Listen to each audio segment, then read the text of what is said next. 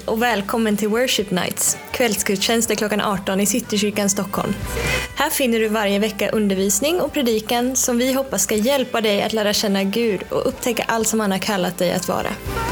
Mer information om vår kyrka hittar du på cks.se.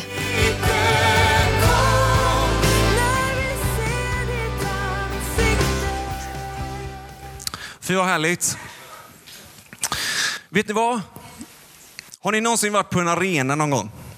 Då vet ni att om man ska ha bra platser, då måste man pröjsa lite för det. Det behöver man inte göra här.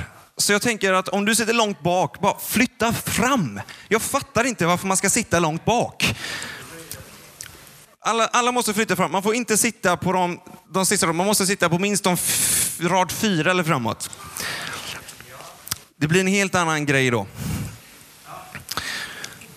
Mitt namn är eh, Daniel Torvaldsson och eh, jag tror att jag har världens bästa jobb. Jag, eh, jag är kursledare för Bibelskolan som var här i Citykyrkan och sen så får jag döpa en och annan emellanåt. Och det är det bästa som finns. Så det är, det är jättekul, speciellt om du är här för första gången. Om du är här för första gången, skulle du vilja sträcka upp din hand? Ska vi ge dem en applåd? Jättevälkomna, kul att ni är här. Oavsett hur du kom hit, om du blev medbjuden av en vän eller om du liksom kollade in hemsidan eller, eller du kanske bara såg att oh, där framme står eh, ett gäng och, och sjunger, det ser trevligt ut. Så jag går in. Oavsett hur du kom hit så är du jättevälkommen. Och, eh, vi träffas här på kvällsgudstjänster i Citykyrkan varje söndag eh, och tillber. Vi sjunger, är med Gud och varandra eh, och vi älskar det. För vi märker att det är någonting som händer på insidan eh, när vi gör det. Eh, och sen så tar vi också tillfälle att läsa i en bok som heter Bibeln. Den heter egentligen inte Bibeln, den har fått det, det namnet i efterhand. Men vi, det, det är en berättelse om den här Jesus som vi snackar så mycket om.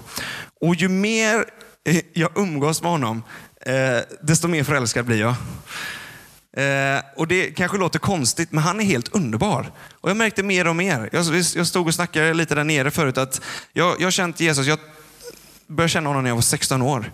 Och sen så är det som att jag än idag lär känna något nytt karaktärsdrag. Det finns liksom inget slut. Eh, hur många av er här inne är tillsammans med någon? Har en eh, pojkvän eller flickvän? Det är några stycken, nästan majoritet på det. Det är gött. Jag, jag, är, eh, jag är gift och min fru Miriam, det är som att jag varje gång när jag faktiskt är där, för ibland så kan man ju umgås med någon men inte riktigt vara närvarande. Har du varit med om det någon gång? Ibland så är det som att man kan sitta och ha liksom eh, Eh, jag, jag, har som kärleksspråk, alltså eh, tid tillsammans. Jag vet inte om ni är eh, bekanta med den termen, att ha ett kärleksspråk. Eh, det finns ju fem har jag hört. Eh, det finns säkert fler, men man brukar begränsa det till gåvor, tid tillsammans, tjänster, fysisk beröring och eh, eh, bekräftande ord. Och jag har bekräftande ord och jag har tid tillsammans. Min fru har också tid tillsammans. Men ibland så är det som att när hon vill ha min uppmärksamhet så är jag inte närvarande. Jag kanske tittar på tv samtidigt. Och hon säger det finns ingenting som är mindre sexigt när jag sitter och tittar på tv och hon försöker vara romantisk. Det är liksom bara usch. Så någon bara, vart är du någonstans? Hon frågar mig det bara, Daniel vart är du nu? Eller vad tänker du på? Den är riktigt skön, den älskar jag få. Vad tänker du på? Och många gånger som jag känner att jag inte riktigt vet. Eller så här, jag vet inte om män någonsin har varit med om det, men så här kan jag säga till alla tjejer här inne att ibland så är män i en låda där det inte finns någonting. Så när man får den här frågan, vad tänker du på? Och jag säger, jag tänker inte på någonting. Då tänker Miriam, nu sitter han och håller någonting borta från mig. Nu, nu är det som att han sitter och tänker på någonting, men han vägrar säga det till mig. Men så är det faktiskt inte, utan jag tänker verkligen inte på någonting. Jag är helt blank här uppe då. Någons närvaro. Jag har döpt eh, rubriken till kvällens predikan det, att vara medveten om, om Jesus närvaro. Och eh, Jag tänkte att vi skulle läsa en, en bibeltext här. Johannes döparen. Eh, och Jag ska läsa från Johannes, Matteus evangeliet kapitel 3, Eh, och börjar från vers 1. Så ska vi be att Gud talar till oss idag. Och det står så här. Vid den tiden så trädde Johannes döparen fram och predikade i Judeens öken och sa omvänd er till himmelriket är nära. lite background story här. Det här är precis innan Jesus börjar sitt äventyr. Börjar sitt äventyr. Det är precis innan han, han kallar de här sju stycken lärjungarna. Och, och, han, och då börjar han med att döpa sig. Det är liksom då det börjar. Och, han, och då så är det en kille som heter Johannes och han säger omvänd er för himmelriket är här. Guds rike är nu här. Om honom så heter det hos profeten Jesaja, en röst ropar i öknen, bana väg för Herren, gör stigarna raka för honom. Johannes bar kläder av kamelhår. Föreställ dig det bara. Johannes bar kläder av kamelhår. Jag tänker att allt som står i Bibeln är viktigt, så det här är viktigt av någon anledning. Han har kamelhår. Och hade ett läderbälte om livet och hans mat var gräshoppor. Tycker inte det är konstigt? Det är jättemärkligt. Ja. Och vildhonung. Jerusalem och hela Judeen och hela landet kring Jordan kom ut till honom, så folk flockades till Johannes. Och de bekände sina synder och döptes av honom i floden Jordan. Men när han såg att många fariseer och saduceer kom för att bli döpta av honom så sa han till dem, ni huggormsyngel, vem har fått er att tro att ni kan fly undan den kommande vredesdomen? Bär då sådan frukt som hör till omvändelsen och tro inte att ni kan säga till er själva, vi har Abraham som till fader. Jag säger er att Gud av dessa stenar kan uppväcka barn åt Abraham. Redan när yxan satt till roten på träden och så fortsätter han att tala om, om, om att när man är med Gud så bär man frukt. liksom. Och sen så kommer vi till i vers 13 när Jesus döps. Sedan kom Jesus från Galileen till Johannes vid Jordan för att döpas av honom. Men Johannes försökte hindra honom och sa, det är jag som behöver döpas av dig och du kommer till mig. Jesus svarade honom, låt det ske nu, ty så bör vi uppfylla all rättfärdighet. Då lät han det ske. Och när Jesus hade blivit döpt så steg han genast upp i vattnet och se, himlen öppnades och han såg Guds ande sänka sig ner som en duva och komma över honom. Och en röst från himlen sa, detta är min son, den älskade. I honom har jag min glädje. Ska vi be att, att Gud bara talar till oss och att, att mina ord på något sätt bara kommer sekundärt och att Gud verkligen talar till oss. Så du kan lägga din högra hand på ditt hjärta, bara som en gest att Gud öppnar upp våra hjärtan. Gud, vi är, vi är här för att höra dig tala ikväll. Och vi ber att du gör våra hjärtan mottagliga för vad du vill säga. Och vi ber att du öppnar upp våra sinnen och att allting som kan stjäla fokus från dig just nu försvinner. Tack för att du talar. Tack för att du älskar. I Jesu namn. Amen. Har du någon gång, eh, eller om vi säger så här. Hur många här har seglat någon gång? Det är så många också. Jag älskar segling. Jag tänkte ha med mig en eh, båt ner hit idag, alltså en modell.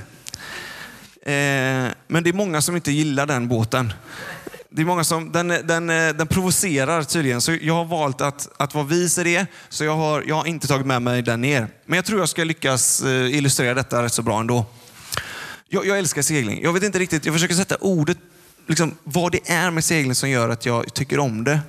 Eh, min pappa, jag har nog fått det från min, min pappa. Han älskar att segla, så allt som hör havet till. Eh, allt ifrån kräftdjur och, och liksom allt som har med frutimare Havets frukter, det gillar jag. Jag kommer ihåg första gången jag köpte med en påse, påse räkor med hem och Miriam som inte är uppvuxen med det. För hennes föräldrar är britter och de är inte riktigt inne på, på det. Det är shepherd's pie och grejer istället. Är du klar? Ja.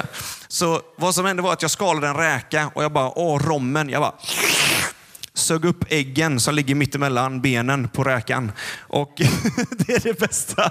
Och sen, sen skalade jag av en räka och så gav jag den till Miriam. Och Miriam bara tar den här och bara, är det där rumpan? Och jag bara, alltså, du kan inte tänka så. Bara ät den. Men jag älskar allt som hör havet till och jag älskar segling. Så vi brukade segla mycket. Och jag tror det är själva frihetskänslan. Detta att bara liksom sätta segel, få vinden i håret, i seglerna och bara känna att du, från den här punkten kan du ta dig till vilken kontinent som helst. Det är bara någonting otroligt fräckt med det. På en helt naturlig väg. krävs ingen bensin, ingen motor. Det är bara öppet hav med vinden i seglarna. Jag har aldrig tävlat i segling, men när jag gjorde några kurser och sådär så, så märkte jag att allt som avgör om du är en duktig seglare eller inte är din förmåga att läsa av i vilken riktning vinden kommer ifrån. Det finns olika tecken som visar vart vinden för sig. Det kan vara alltifrån en sån här eh, liksom vind, eh, eh, vindgrej, jag kommer inte ihåg vad den heter nu, men en, en vindindikator uppe på masten så, så att du kan se vart ifrån vinden kommer. Men oftast är det ändå för sent, för det är först när vinden har kommit in i båten som den börjar indikera. Så det bästa hade varit om du kan veta varifrån vinden kommer redan innan du faktiskt märker av det. Och så jag märkte allt med segling har att kunna, det, det handlar om att kunna läsa vind. Det är vinden som avgör. Så vad, jag, vad, man märker av att det finns andra saker som talar för vart vinden rör sig. Till exempel krusningar på vattenytan. Innan vinden når seglerna så märker du av krusningarna på vattenytan. Det kan komma en vindby, en temporär vind på ena sidan. Eh, men så kan det komma att vinden ändrar riktning. Och Det gäller liksom att läsa av det. Och Det är det som gör dig skicklig när du är ute och seglar. Och Jag bara tänkte på det häromdagen. För rubriken är liksom att, att, att, känna in Guds närvaro. Och Guds, eh, Jesus ande, vi kallar honom för helig ande ibland. Men helig ande eh, är, skrivs, beskrivs i Bibeln ibland som en vind. En, en vind som går precis vart han vill. Ingen kan styra helig ande. Och han ger ut goda gåvor. Det är en helt annan predikan, men han, han, han, liksom, han gör precis som han vill. Men allt han gör är att leda oss in till sanning. Vad som är äkta och verkligt. När jag snackar med mina vänner så är det detta som de på något sätt vill veta. Och det är, är Gud äkta? Är det så bra som du säger att det är? Eller är det bara en enda stor bluff? Det finns en kille i Bibeln som heter Paulus. Han säger att om Gud är fake, då är vi rätt så absurda. Alltså. Som träffas i lokaler vi kallar för kyrkor och bara sitter av tid. Men om det är så att Jesus faktiskt är den han säger att han är, att han är Guds son och han är vägen till himlen och att i honom så, så befriar han oss och får evigt liv och har relation med oss. Då är det ändå värt att lyssna på. Så jag tror att det kan vara som med Guds närvaro ibland, att det är som en vind.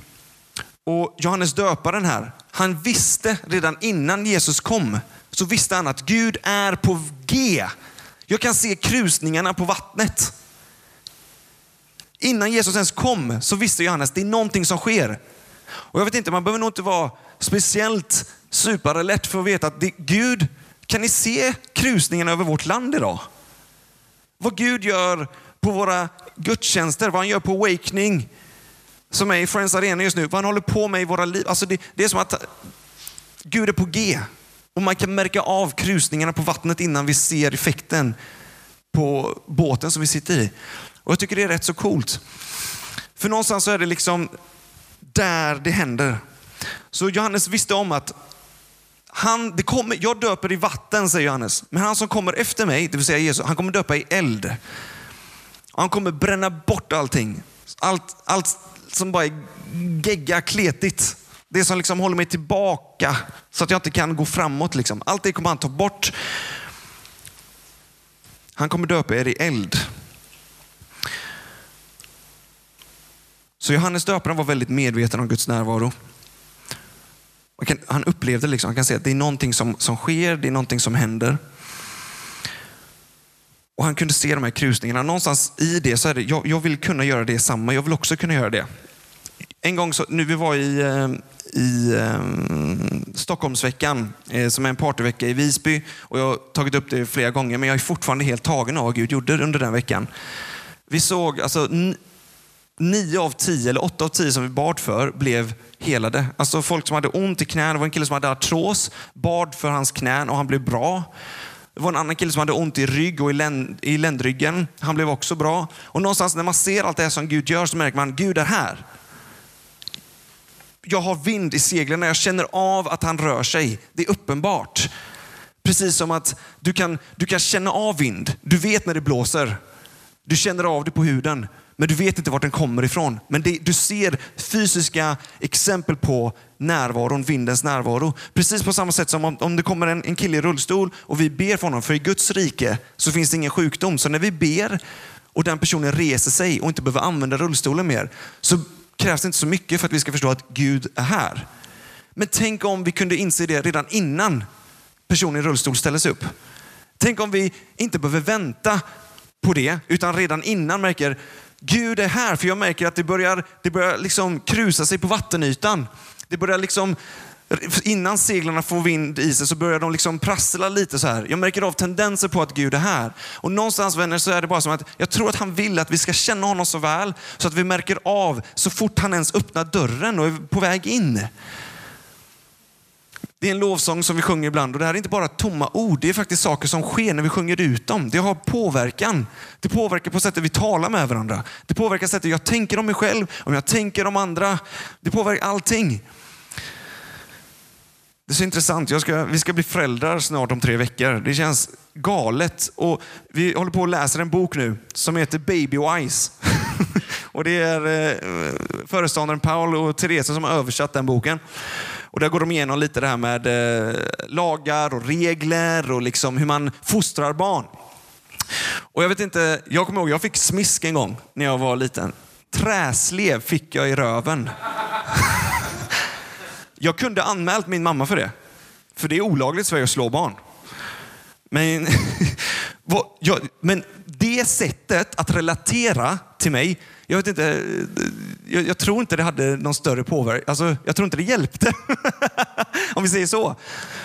Alltså, nu använder jag min mamma som exempel, men att när man eh, Rädsla för bestraffning är på något sätt ett, ett ex, alltså externt försöka kontrollera en annan människa och säga att om du, om du gör detta så kommer du få bestraffning. Och det är liksom Jesus kom för att liksom strypa allt det. Istället för att kontrollera oss. Det var en tjej som vi träffade på Stockholmsveckan. Vi satt där och snackade. Eh, hon och några tjejkompisar, hon var agnostiker. Det betyder att hon tror på att det finns någonting, men jag tror inte på att det kan vara Gud just. Liksom. För att Gud, det känns som att han styr oss som marionettdockor. hon. Och jag bara... Åh, jag bara fick en sån sorg på insidan. Hjälp!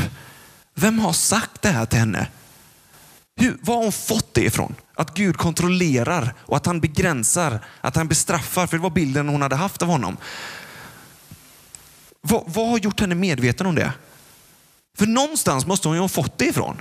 Precis som jag har fått det ifrån att, att, att Gud är en pappa och att jag tror på det. Så vi står där och snackar.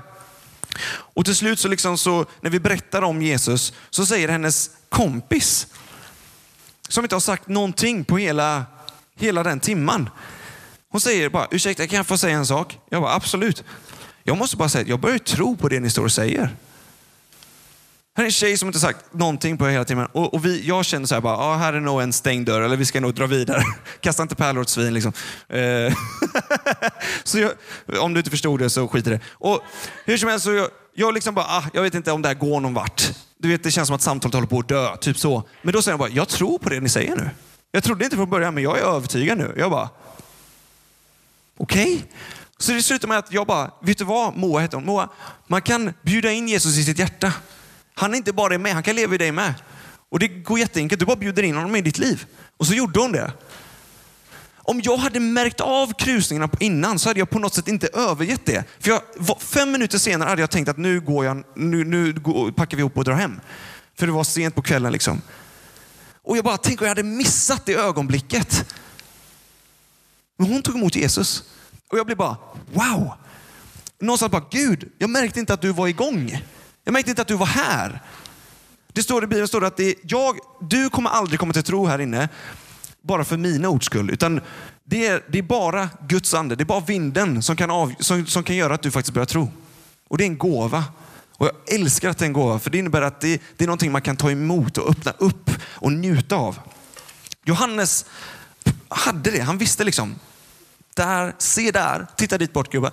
Där kommer lammet som ska slaktas. Det var en profetisk bild av Jesus. helt fläckfritt rent lamm liksom, som ska ta all skit på sig, som ska leva sitt liv 100% människa, 100% Gud, helt extraordinärt, utan synd, utan allt klägget. Liksom. Och jag, någonstans så vill jag bli medveten om den närvaron. Och Vi snackar mycket om Guds rike, eller Guds närvaro. Jag ska förklara lite mer vad det, vad det är. Jesus sa, precis som Johannes döparen, han säger i texten, se, omvänd er, alltså vänd om, byt riktning, slå till rodret så du kommer någon annanstans, hitta vinden, för Guds rike är här. Det kommer nu. Det du har väntat på, det du har längtat efter, det är här. Vänd dig till din granne och säg, det är här. Och så vänder dig till din andra granne och säger, det sker nu. Att ni är inte så övertygade, jag måste säga det med pondus. Det sker nu alltså, nu! Bra. Älskling, ska jag kunna få ett glas vatten? Jag känner att jag börjar tugga lite fradga här nu. Jesus, han kom in när det var romersk ockupation. Romarriket, som var ett av de största rikena som någonsin funnits runt Medelhavet. De hade total kontroll. Så här gick det till när någon kom in och skulle ta in ett nytt område. Ett nytt kingdom. Kingdom betyder the king's domain, alltså där, ett område där kungen regerar och har inflytande. Och då, då så, innan, när romarna, först så kom det en soldatstyrka in liksom och tog ett land. Och, och sen så efter de hade tagit det med våld så kom det in, för då hade de tagit själva landet, men det var fortfarande en annan kultur där som rådde. Och vad som hände då var att det kom en centurion som tog med sig lite soldater igen för beskydd. Och så tog han med sig en sån här parlör, alltså någon som ändrade talet på folket. Någon ny arkitekt, eh, någon som var kulturellt insatt. Och så började de angripa kulturen. Sättet folk snacka, sättet folk var på, betedde sig. Gatorna gjorde de om, byggnaderna gjorde de om. Allt förändrades. För att när kejsaren från Rom, allt skulle se ut exakt som Rom. Så när kejsaren kommer in till det nya landet som de har intagit så ska kejsaren känna sig som hemma. Jag tror det är exakt samma grej som Jesus kallar oss till. Att förändra kultur runt omkring oss. Kultur, det är symboler, det är sättet vi talar för oss på. Och vi har hållit på och gjort någonting väldigt länge, då blir det kultur. Då blir det del av vårt DNA nästan. någonting som blivit DNA i Sverige har varit jantelagen till exempel. Du ska inte tro att du är någonting. Du kan vara okej, okay, men du är aldrig bra och framförallt inte bäst på någonting. Eller du är, inte, du är inte så bra som du tror. Det är någonting som har blivit så inpräntat i vår kultur så folk har börjat tro på den lögnen. Jag undrar, vad är det som du är medveten om just nu i ditt liv? Vad är det som, vad är det som har närhet, närvaro? Vad är det som får tala? Vilka tankar tänker du? Vad är det som, som sker? Liksom? Johannes säger, det han hade sina ögon på, His eyes on the prize. Jesus, lammet kommer. Han ska slaktas. Han visste om det redan innan Jesus kom. Är du medveten om Guds närvaro? Man behöver inte ha mycket erfarenhet för att vara medveten om den.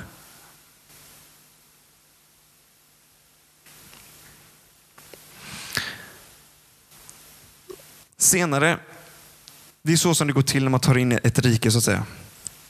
Och om vi läser i Lukas 7.8 så ska vi läsa om Johannes igen, vad som har skett. Lukas 18, förlåt. Så vad som har skett är att Johannes han talar om en kung. Och Det var ganska politiskt oroligt på den här tiden. Så vem som nu kommer att snacka om att Israel ska få en ny kung, då vill man döda. De gick så långt så att när Jesus föddes och det kom några som sa att nu föds en kung, då slaktade de alla spädbarn. För att de var så rädda för Jesus. För att det ska komma en kung. Fruktansvärt. Och så Johannes säger himmelriket är nu här. Sådana termer bara. Rike. Alltså, jag vet att Ryssland är liksom nästgårds och saker börjar hända i Östersjön. Men när man börjar säga, det är som man skulle säga Ryssland i Sverige. Liksom. jag vet inte. Kanske, inte. Det kanske är någon från Ryssland där. Förlåt, jag har inte meningen. Älskar Ryssland. Eh, jag youtubar Ryssland med Linus många gånger. Det är gött. Om man youtubar Ryssland så får man oftast eh, när man, eh, så onyktra förare. För de har ju så här kameror, GoPros i varje bil. För att de krockar hela tiden. Eh, brukar skratta åt det. Det, var, det har inte någonting med, du kan bara glömma bort att jag sa det. Men då ska vi läsa om Johannes, för han hade sagt, riket är här och det kommer en kung och han ska, han ska regera. Och då, då blir man jätterädd. Och då när Johannes sa det, vem är det som snackar om Jesus? Vem är det som snackar om en ny kung? Ja, Johannes döparen. Okej, då sätter vi honom i fängelse. Så Johannes sitter i fängelse. Och så står det så här. Och Jesus gick runt och bara botade sjuka. Alltså frisk, folk som var sjuka blev friska. Och han, han sa också, himmelriket är här. Allt det du har väntat på, det du har längtat efter, det som du har försökt släcka din törst med, det du har försökt mätta din mage med, men aldrig lyckats. Det kommer nu. Det äger rum. Och då så, så står det så här. Allt detta fick också Johannes höra genom sina lärjungar. Och han kallade då till sig två av dem och så sände han dem till Jesus för att fråga, är du den som skulle komma eller ska vi vänta på någon annan? Alltså förstår ni ironin? Alltså här är en snubbe som har sagt för några veckor tidigare, eller om det är någon månad eller så, se där är Guds lamm. Känns bra, han kommer vinna seger åt alla. Och nu så frågar han, du, eh, är du, är du den som ska komma eller ska jag vänta på någon annan? Vad är det som har hänt? Vad är det som har gjort att Johannes som kunde urskilja Guds närvaro så enkelt och bara se att det kommer en frälsare, det kommer en räddare som kommer göra allting bra. Och sen när han sitter i fängelset, livet tar en vändning. Vindbyn skjuter i en annan riktning. Något oväntat sker. Nu sitter han i fängelse, inte riktigt den platsen han känner att han vill bli uppmuntrad på. Liksom. Och, så, och så säger han, är du verkligen den som ska komma eller ska vi vänta på någon annan? Man, man, männen kom till Jesus och sa, Johannes döparen har sänt oss till dig för att fråga om du är den som skulle komma eller ska han vänta på någon annan? Just då botade Jesus många från sjukdomar, plågor och onda andar och många blinda fick synen tillbaka. Det inkluderar depression, ångest, allt möjligt. Allting. Han svarade dem, det här är vad Jesus säger. Gå och berätta för Johannes, det här kan ni säga till honom. Vad ni har sett och vad ni har hört. Blinda ser, lama går, spetälska blir rena. Spetälska var en sjukdom som bara åt upp kroppen. Fruktansvärd sjukdom. De blir bra. Döva hör, döda uppstår och för fattiga predikas glädjens budskap. Himmelriket är här. Guds närvaro har kommit till alla folk. Och salig är den som inte kommer på fall för min skull.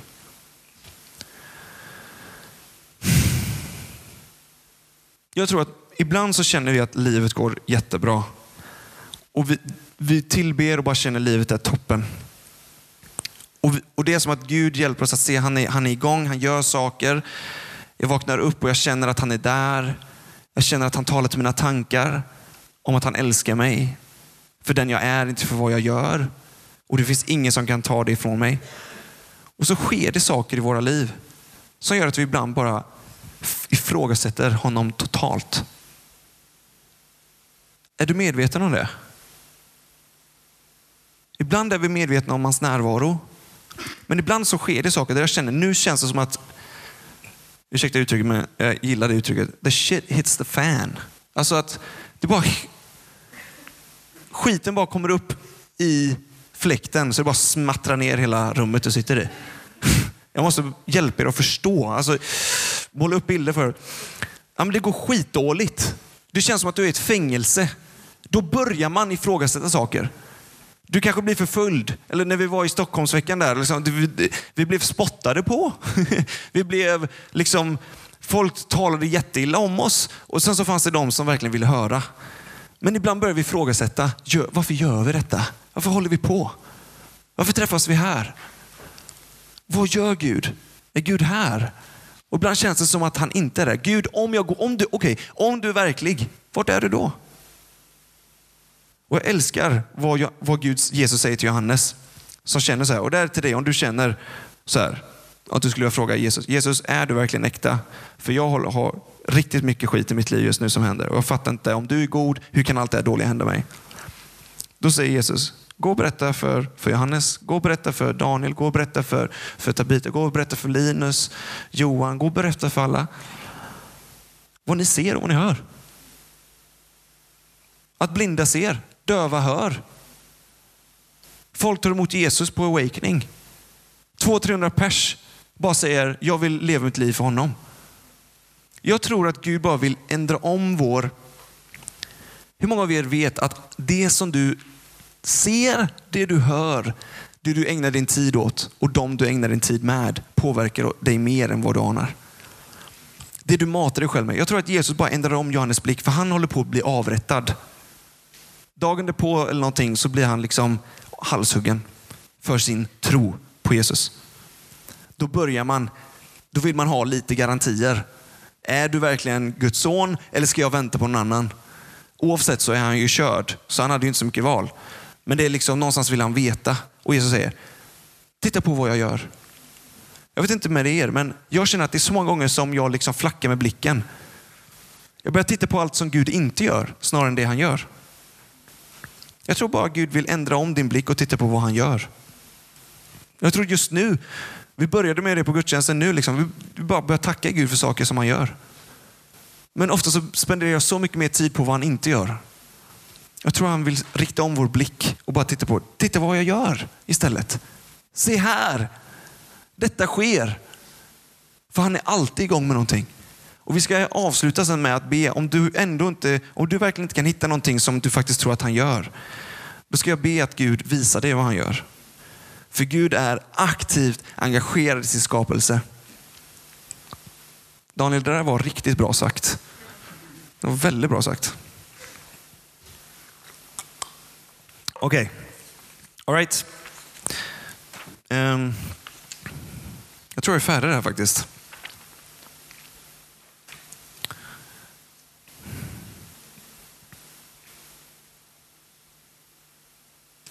Jag kanske ska säga detta också. Ehm, men Alfred, du kan få komma upp så ska vi strax avsluta. Men Jesus, han avslutar med detta. Han avslutar med att säga detta. Salig är den som inte tar anstöt av mig. Salig är den som inte kommer på fall för min skull. I den engelska översättningen står det så här. Blessed is the one who is not offended by me. Det är så lätt att bli offended av Jesus. På ett sätt. Kanske är du här och Gud, gjorde, Gud helade någon annan, men han helade inte dig. Då blir man offendad. Man börjar ställa frågor, Jesus varför helar du den personen men inte mig? Eller så kanske du har, går du igenom så, så mycket skit just nu eller så mycket grejer som kommer emot dig så du börjar ställa dig frågan, Jesus, jag vet inte om jag signar upp på detta.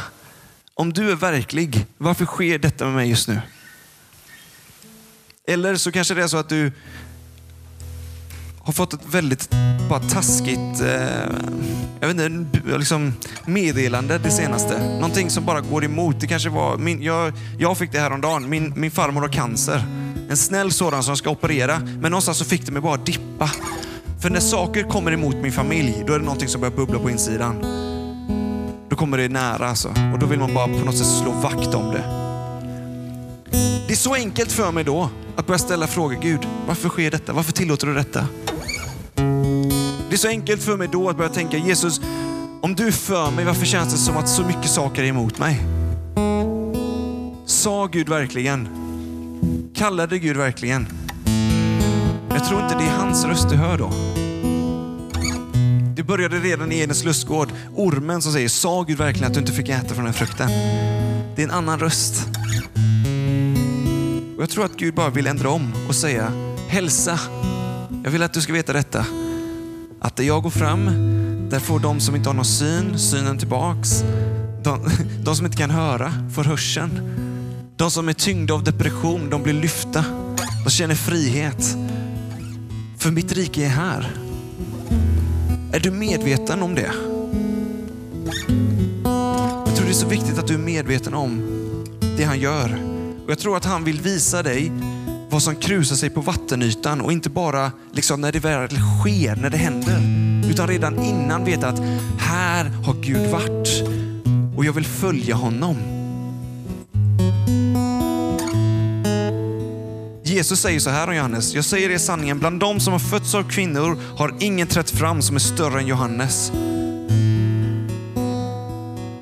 Johannes är i fängelse och ska bli halshuggen. Jag undrar bara hur han sista stund var när han fick höra Jesus sista ord. Det sista ordet han hörde från Jesus. Saliga är de som inte kommer på fall för min skull. Blessed are the ones who don't be offended by me. Jag skulle bara vilja, om, om, vi, om vi ställer oss upp tillsammans, så skulle jag vilja göra en inbjudan till dig. Att för dig som, som känner att, att du skulle bli, vilja bli mer medveten om hans närvaro. Att kunna se honom. Jag tror att han vill visa dig för, sig för dig ikväll. Uppenbara. Ordet uppenbara betyder just att blotta, avslöja, exponera, bli tydlig, bli synlig, framträda. Och jag tror att Jesus vill göra det. Han, det är alltid, alltid hans natur är att han vill uppenbara sig. Alltså att det ska bli uppenbart, en aha-upplevelse. Tydligt. Så om du bara skulle vilja sträcka fram dina händer så här. Och det är inget magiskt i det, det är bara liksom att vi har en position av att vilja ta emot.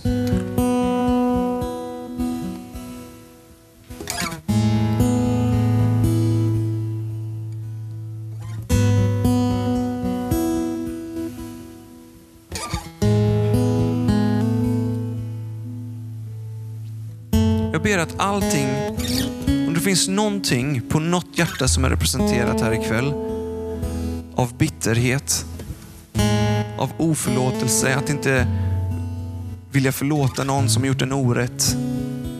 Eller bara vara arg över någonting. Bara ilska över hur man har blivit behandlad. Allting som dunklar våra ögon för hans närvaro. Allting som bara dunklar oss från att till och med när vi seglar för öppet hav med full vind i seglen så missar vi att han är här. Jag ber att allt det bara suddas bort. Jag tror att om det är någon här som har känt att du har, haft, du har varit liksom ute på ett öppet hav utan någon vind. Det känns som att du i din egen kraft har liksom komma framåt, men det känns som att du inte kommer någonstans. Du ser inte land någonstans för att använda den metaforen. Jag tror att om du bara ber honom, Herre kom med din vind i mina segel, så kommer han. Så bara där du står, om du, om du vill ha vind i dina segel, så bara be honom.